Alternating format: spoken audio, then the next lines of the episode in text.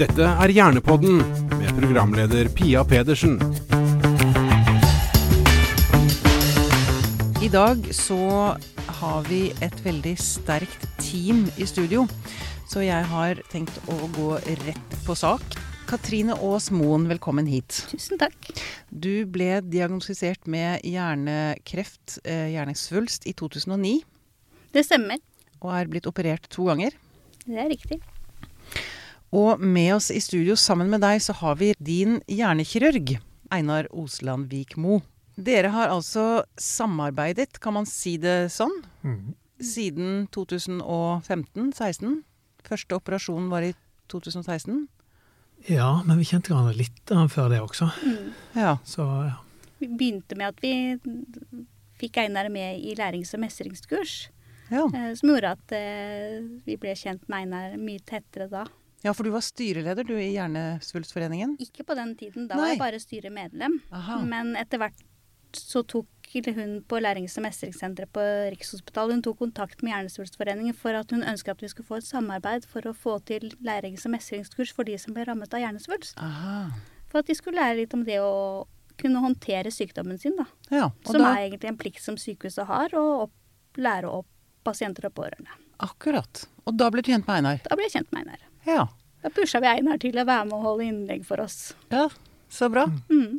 Og så fikk du rett og slett eh, Da du skjønte at du måtte opereres, så gikk du til Einar og sa 'kan du operere meg', eller? Ikke helt sånn, men nesten. eh, fordi at jeg er litt sånn Kanskje litt annerledes enn andre pasienter. Så jeg var egentlig pasient på Ullevål. Og så følte jeg at jeg ikke egentlig helt fikk de svarene jeg ønsket da. For jeg, for meg er det veldig viktig å ha fakta. Og så følte jeg at han legen som, var, som hadde meg da, han, han unnlot ting. Og da ble jeg utrygg. Så da benytta jeg meg fritt sykehusvalg og ble overført da til Riksen. Og fikk da Einar som lege. Fordi da følte jeg meg mye mer trygg igjen. Ikke sant. Katrine, jeg må bare spørre deg. Hvordan var det å få diagnosen i 2009? Det var et sjokk, selvfølgelig. Men min fordel var at jeg hadde en erfaring fra tidligere. For moren min hadde hjernesvulst. Mm. Eh, og det gjorde jo at eh, når jeg da avdekket, eller fikk på en måte vite at jeg hadde det, så hadde jeg en erfaring Ja. som gjorde at jeg ble litt tryggere enn kanskje andre hadde blitt. Men allikevel så hadde jeg en sånn nedtelling, for da var det min moren min levde i 413 dager. Så da begynte jeg nedtellingen. Fra hun fikk diagnosen? Ja. Så, så jeg har begynt med det jeg òg, inntil jeg møtte da en lege som sa at vet du hva, dette tror jeg vil gå veldig fint. Sånn at vi kan se det an og, og bare ta MR og sjekke underveis. Og, Fordi den var da veldig langsomvoksende. Og da tenkte jeg at ok. Men at det var hele tiden en åpenhet i forhold til at man kunne operere hvis jeg, ikke, hvis jeg følte at dette var vanskelig. Mm. Men jeg tenkte at uansett Jeg så jo hvordan moren min ble etter operasjon, så jeg tenkte at hvis jeg kan hindre det, eller vente så lenge som mulig, så vil jeg helst det. ja, ikke Så- sant. Og da levde jeg jo da fram til 2016 med å ta MR hver tredje måned. Og ble fulgt opp veldig bra. Ja, nettopp. Og så kom da til det punktet at eh, en operasjon måtte til. Eh, Einar, kan ikke du si litt grann om det? Hva skjedde som gjorde at hun måtte opereres første gang? ja, det er jo slik at vi, vi følger Når en pasient har en, har en forandring i hjernen, så er det slik at vi vet ikke sikkert hva, den, hva type forandring det er, før vi har tatt, egentlig tatt den ut eller tatt en prøve av den. Så vi vil ha en vevsprøve. Og, og da er det slik at vi av og til så er vi så vi, det er såpass med risiko å ta en prøve at vi, vi vil helst være sikre på at den vokser, før vi vil gjøre noe så drastisk som å åpne hodet og ta en prøve. Mm. Og sånn var det litt med Katrine, at vi ville vente og se. Og så, eh, når vi da så at den begynte å bevege på seg, så eh, visste vi nok tydeligere etter hvert. Da når, da når eh, Katrine fikk den diagnosen, så visste vi ikke så mye om nytteverdien av å, å ta bort så mye av svulst som mulig. Dere visste ikke nytteverdien? Nei, det, det kom det, på, Omtrent på det tidspunktet så var det gjort en ganske, ganske berømt egentlig norsk studie som sammenligna to sykehus der den ene sykehuset tok mye biopsier, og det andre sykehuset gjorde mer eh, De opererte bort så mye svulst som mulig. Så så jeg at de som var operert, de levde faktisk lenger. Det er en studie som er kjent i hele verden, og som er gjort i Norge. Og når vi da følte oss trygge på at dette var en at det mest sannsynlig var en form for hjernekreft dette var, så var det lurt å ta ut så mye som mulig. Mm. Og da mm, var det jo den, den diskusjonen vi måtte ha da, sant, før vi gjør et sånt inngrep. mm, Ja, en vinner En lever lenger hvis en tar ut uh, mer svulster, men hvilke konsekvenser har det? Ja. For hva risikerer man hvis man går inn og opererer? Det er jo forskjellig fra pasient til pasient, Mhm. akkurat avhengig av hvor denne svulsten sitter. Sånn som da for Katrine sin del, så satt jo den veldig tett på evnen hennes til å eh, bevege seg. Så at hun kunne bli eh, lam i ei side, og spesielt så var vi bekymra for språket hennes. Ja. Mm. Og da var du veldig klar og tydelig, for du fikk nesten et valg, du. Ja, Einar satt jo på denne preoperasjonssamtalen og liksom sier han liksom hva du villig til å gi avkall på? Mm. Og så tenkte jeg, vet du, at det er jo et, et kjempevanskelig spørsmål å svare på. Hvordan kan man vite hva som man vil egentlig gi slipp på? Mm. Man vil jo ikke gi slipp på noen ting. Egentlig så vil man helst ikke opereres heller, Mm. hvis man kan velge. Men man skjønner jo når man har en sånn diagnose at det må man Mm. på et eller annet tidspunkt. Og når legen sier at nå er det på tide, da må man gjøre det. Mm. Så når han spurte der liksom hva er det du kan avse mest, liksom. Ja, da hadde, var alternativene bevegelighet i en arm. Nei, da var det egentlig bare som jeg sa, så lenge jeg kan våkne opp og prate når jeg våkner igjen, så var Ja. det greit. Ja. Så det andre kan jeg på en måte ikke styre, var egentlig innfallsvinkelen uansett da. Mm. Det var jo det. At det viktigste for meg var å kunne prate, for da kunne jeg gå tilbake igjen i jobben min. Ikke sant. Ja. Så Og, og det er ganske viktig å tenke på at dette dette er jo en, en vurdering vi må gjøre underveis under operasjonen. ja. Og det er, ikke, det er ikke slik at en vi pro- programmerer inn, og så er det 16,3 sannsynlighet. Sånn at vi, vi må se på selve svulsten underveis, så må vi prøve å ta med de, det som ser farligst ut. Og så må vi gjøre mest uh, mulig arbeid i forkant, men også underveis under operasjonen, for å, for å klare å finne de områder, områder i hjernen som er de mest følsomme og det viktigste å passe på. Mm. For det, det, altså hun er jo faktisk våken under en stor del av operasjonen. Hvorfor det? Ja, altså, så utgangspunkt er jo slik at ehm, alle, alle pasientene er, forskjellige på utsida, og de er også forskjellige på innsida. Så hjernen er, Selv om det er, vi vet sånn noenlunde sant, hvor de ulike funksjonene sitter i hjernen, så, så er det, det er variasjoner. Og spesielt når det kommer en svulst inn i hjernen, og den begynner å skubbe på, på de ulike områdene. Ja. Og det vi ofte ikke vet, det er jo sant om, om når den sitter en svulstforandring inni hjernen, om den skubber på fibrene til ei side, kan den skubbe det framover eller bakover. Og det kan vi gitte oss til, men vi kan ikke vite det sikkert. Nei. Og i tillegg er det sånn at en sånn svulst kan skubbe på en funksjon, men den kan også vokse inn i den. Ja. Og det kan vi heller ikke vite ordentlig før vi, før vi eh, begynner å, å operere. Og så skjønte jeg også at underveis i operasjonen så endrer det seg også, for trykket endrer seg idet du begynner å ta vekk noe, så Det, det er helt rett. Så, så det som skjer, sant, er at eh, vanligvis så er det slik at en først ligger i narkose. Og så skjærer vi gjennom huden, og så sager vi ut et vindu i beinet i skallen. mm. Og så når vi da kommer inn på hjernen, så er det ikke smertefibre i hjernen. Så vi har gitt masse lokalbedøvelse først, slik at det ikke gjør vondt når en opererer. Og da kan vi vekke opp pasienten igjen, og så kan vi teste underveis for de funksjonene vi, vi er på jakt etter å finne. Og da går det an å gjøre enten ved at pasienten gjør ulike oppgaver, men også ved at vi kan stimulere med strøm på hjernen. Ja, oppgaver som svare på spørsmål eller løfte på hender, altså ja. Ja. Mm. Det kan være alt fra veldig enkle ting sant, til å vise tommelen eller å, telle, Mm. til eh, mer kompliserte eh, tester. Vi har, vi, vi har hatt pasienter som vi har testa i forhold til evne til å, å, å lage musikk og synge og matematikk. Så det, går an egentlig å teste veldig avanserte ting, og så går det an å, teste sant, veldig enkle ting som å bevege en tommel eller bevege en arm. Ja. Men hvordan er det å ligge våken eh, når Einar opererer på hjernen din, Katrine?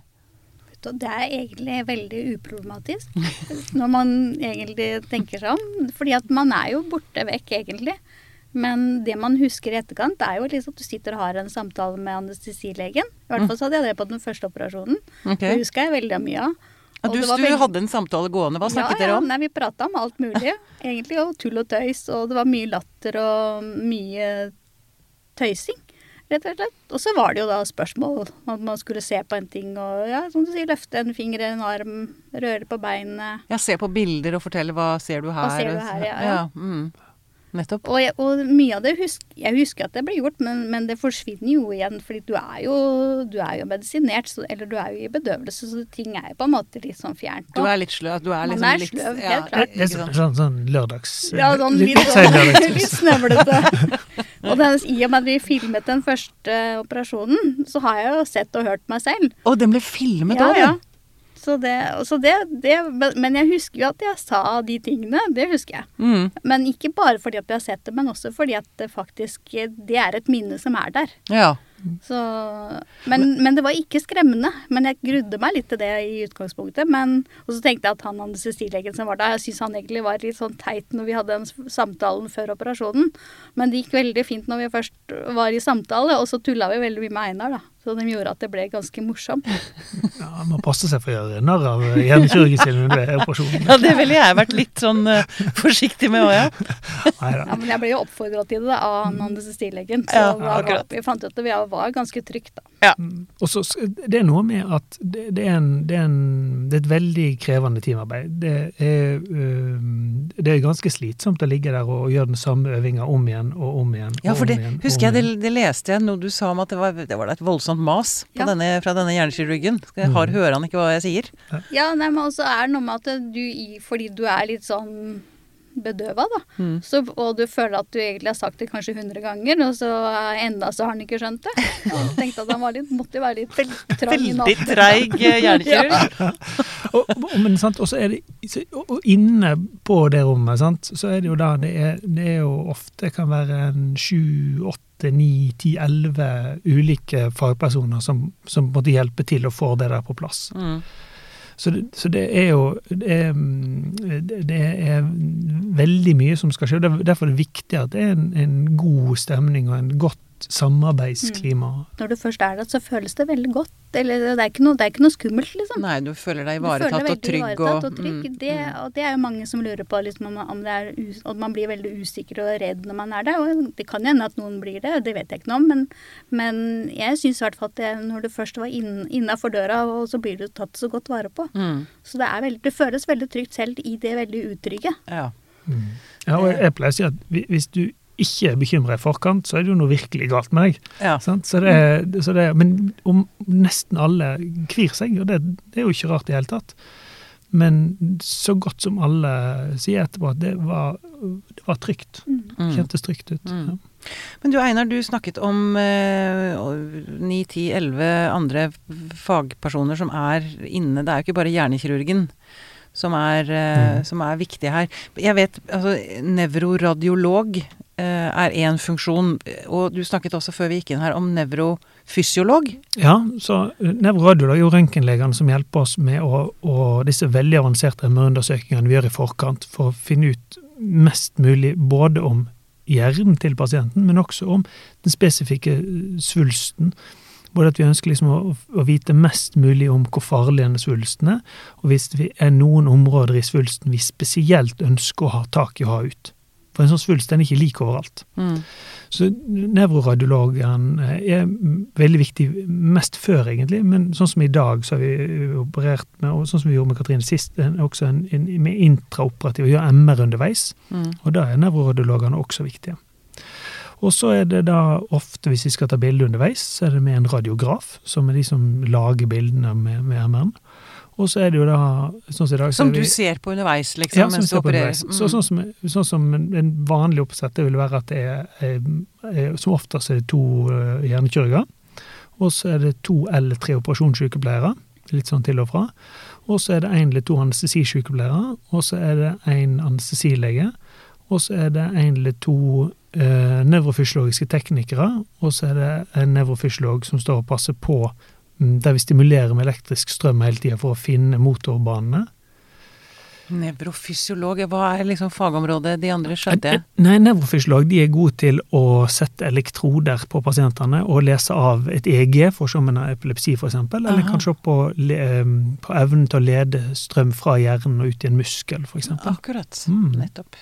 Altså, teknologien som, som en ofte kan liksom legge fokuset på, sant? med Mm. intraoperative MR eller sant? den nevrofysiologiske monitoreringa som vi gjør, den er jo på en måte det er bare én bit av det. Men det som er det viktige til slutt, sant? det er jo at vi inn i denne veldig teknologien, eller veld, dette fokuset på biologi, at det vi ønsker å oppnå, er at en skal leve lenge, og at en skal ha det bra. Mm.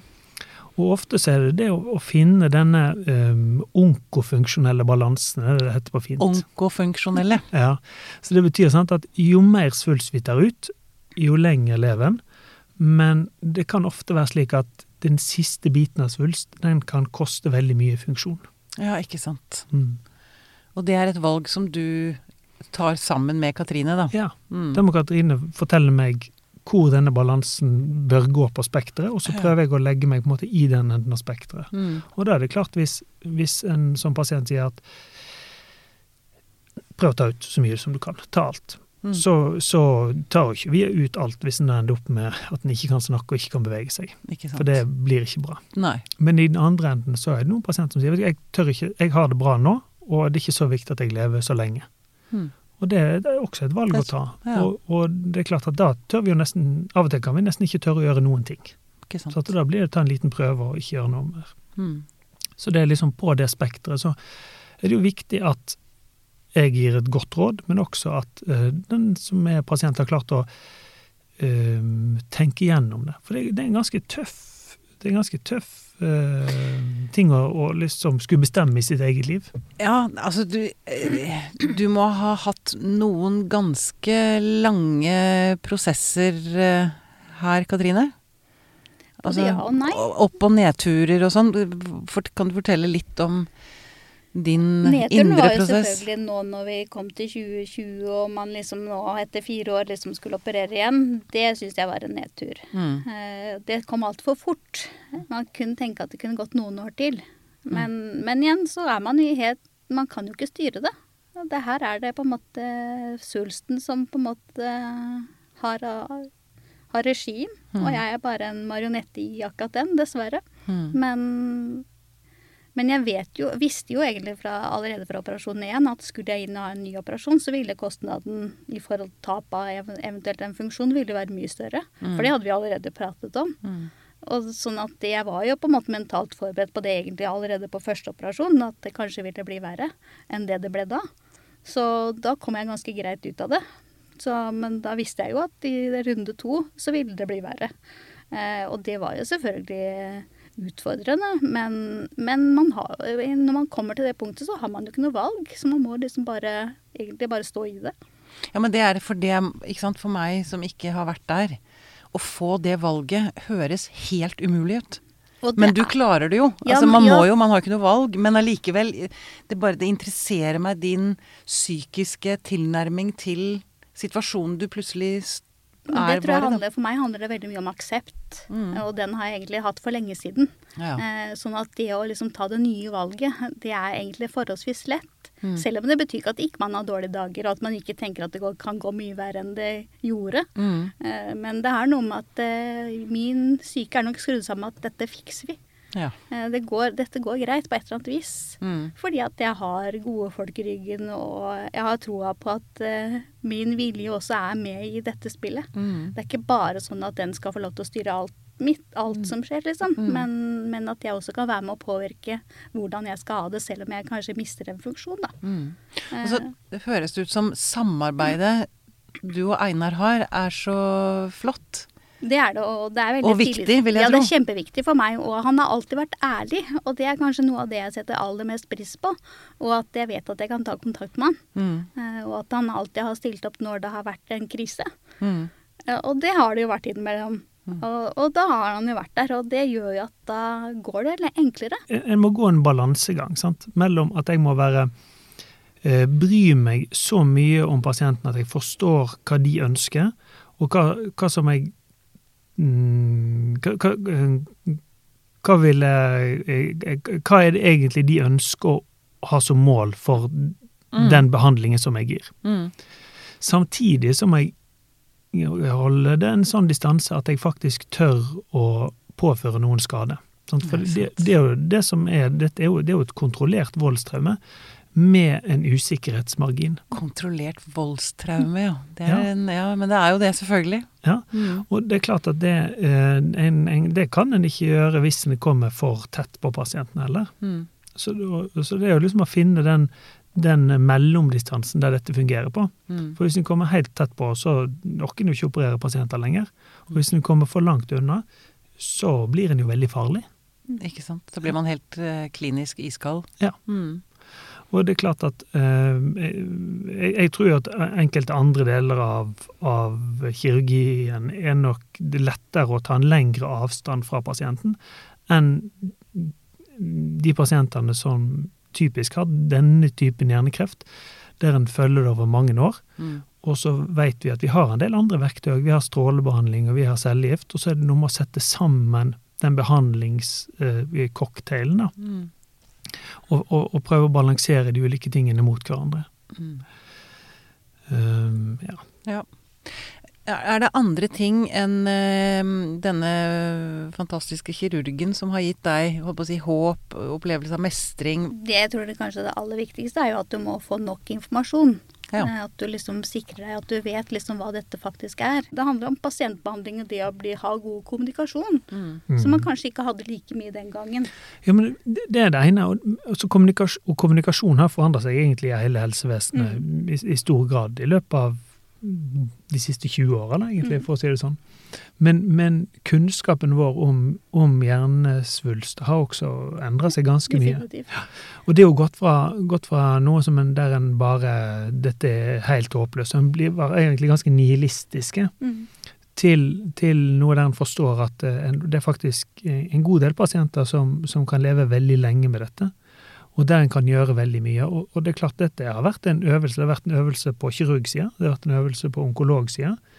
Um, men jeg tror at det, er uh, kanskje enda viktigere dette med, med den øvinga som er på i forhold til rehabilitering og tilgang til, å- å kunne trene seg opp igjen. Mm. For det er jo også mm, i dette, sånt, i dette, dette i det, å, å- å sette opp et sånt behandlingsløp, Mm. så er det noe med å, ha tilgang til muligheten til rehabilitering. Og det har jo, eh, har jo Hjernesvulstforeningen jobba ganske mye med. Mm. Mm. I forhold til at, at en ikke mm, bare blir på en måte nærmest nekta tilgang til de ressursene fordi en har en alvorlig sykdom. Mm. Jeg tenker jo også litt i forhold til Hjernesvulstforeningen, er jo at man har, der har- kom det jo inn veldig mange ulike typer pasienter som hadde hjernesvulst, som hadde sin historie. Mm. Så det å dele historier, snakke Mm. sammen og dele, men uten å sammenligne. For det er Ja. kanskje det farligste av det man gjør, er jo egentlig at man driver og sammenligner at OK, du hadde det sånn, ja da hvorfor har ikke jeg det sånn, liksom. Ja, eller din man er større enn min, eller ja, det er litt sånn at eh, man må passe seg for det. At Mm. fordi hver svulst er jo for så vidt unik. Akkurat som hvert stad. menneske er unikt. Ja, Mm. og, det, og det glemmer man jo litt innimellom, fordi man vil jo så gjerne passe inn i noe. Ja, akkurat. Og, så det har vi jobba mye med, å prøve å få folk til å på en måte se ut fra seg selv, og ikke sammenligne at ok, kanskje jeg f- fikser mange ting, mens en annen fikser ingenting. Mm. Eh, og så blir det på en måte en sånn ganske stor avstand da, på hvorfor gjør du det. Og vi Ja. har på en måte den samme, kanskje samme diagnosen. Men, men sånn er det jo ikke. Vi Mm. har kanskje en diagnose som er lik, eller den heter kanskje det samme, men vi er jo ikke like fordi jeg Nei. er meg og du er deg. Ja, ikke sant. Så det har vi brukt mye tid på. Det er kanskje noe av det viktigste jeg har lært. Også litt som Einar sier, at det med å ha muligheten til også å trene seg opp igjen i etterkant, er kjempeviktig. Mm. Så det er kanskje det som jeg har jobba mest for Mm. i mitt virke Mm. eh, i forhold til Hjernesvulstforeningen, er jo å ha fokus på det. Nettopp. Jeg har lyst til å også høre med dere eh, litt om fremtiden. Man kan jo sette seg ned og tenke at ok, det, nå, dette fikser jeg ikke. Mm. Og noen gjør jo det.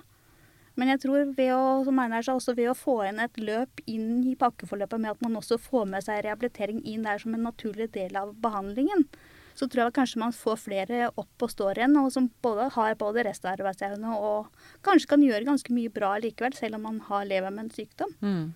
Mm. Så for meg er det viktig å være i jobb, ha et ålreit liv med barn og barnebarn. Eh, Og komme, gjøre akkurat det jeg vil. Men jeg ser jo at jeg er jo mye mer hemma nå enn jeg var forrige gang. Og jeg er jo faktisk blitt mer funksjonshemma nå enn jeg egentlig hadde forventa. Ja. Så noe sitter jo i, men jeg tenker at eh, det får så bare være. Og så får jeg heller være litt, litt treigere på ting, da. Ja. Så Men eh, opplever du at du har et mer, et holdt på å si, sterkere forhold til nå?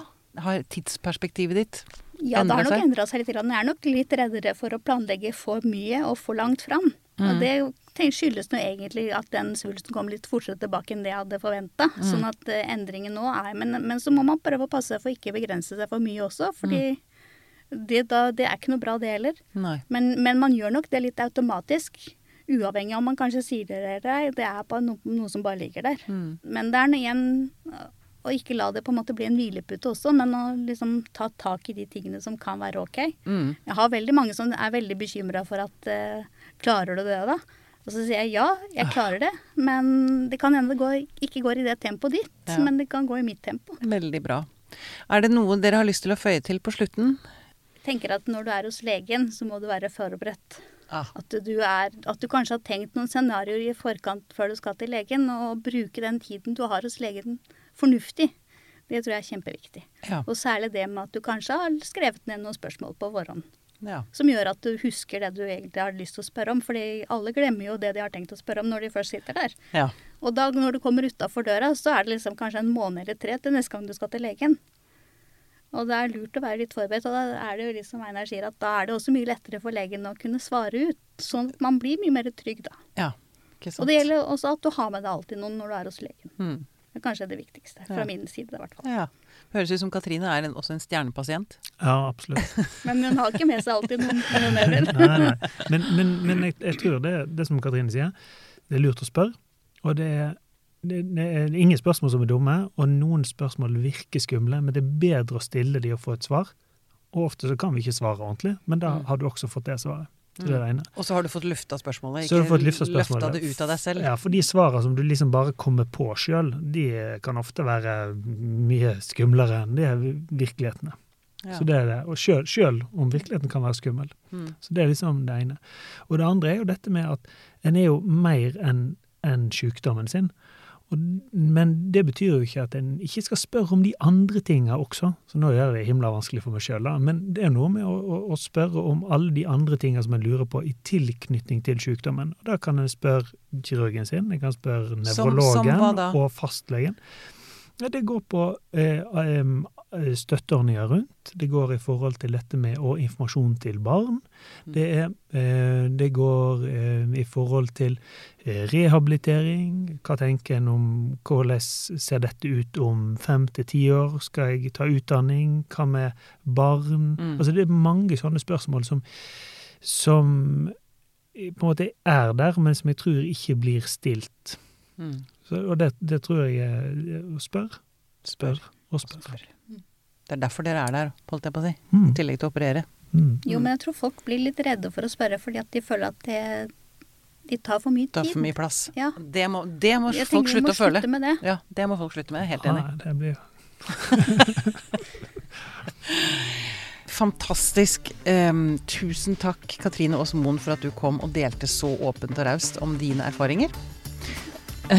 og tusen takk, Einar Oslandvik Mo, for at du kom og delte av din ekspertise. Veldig fint å ha dere i studio.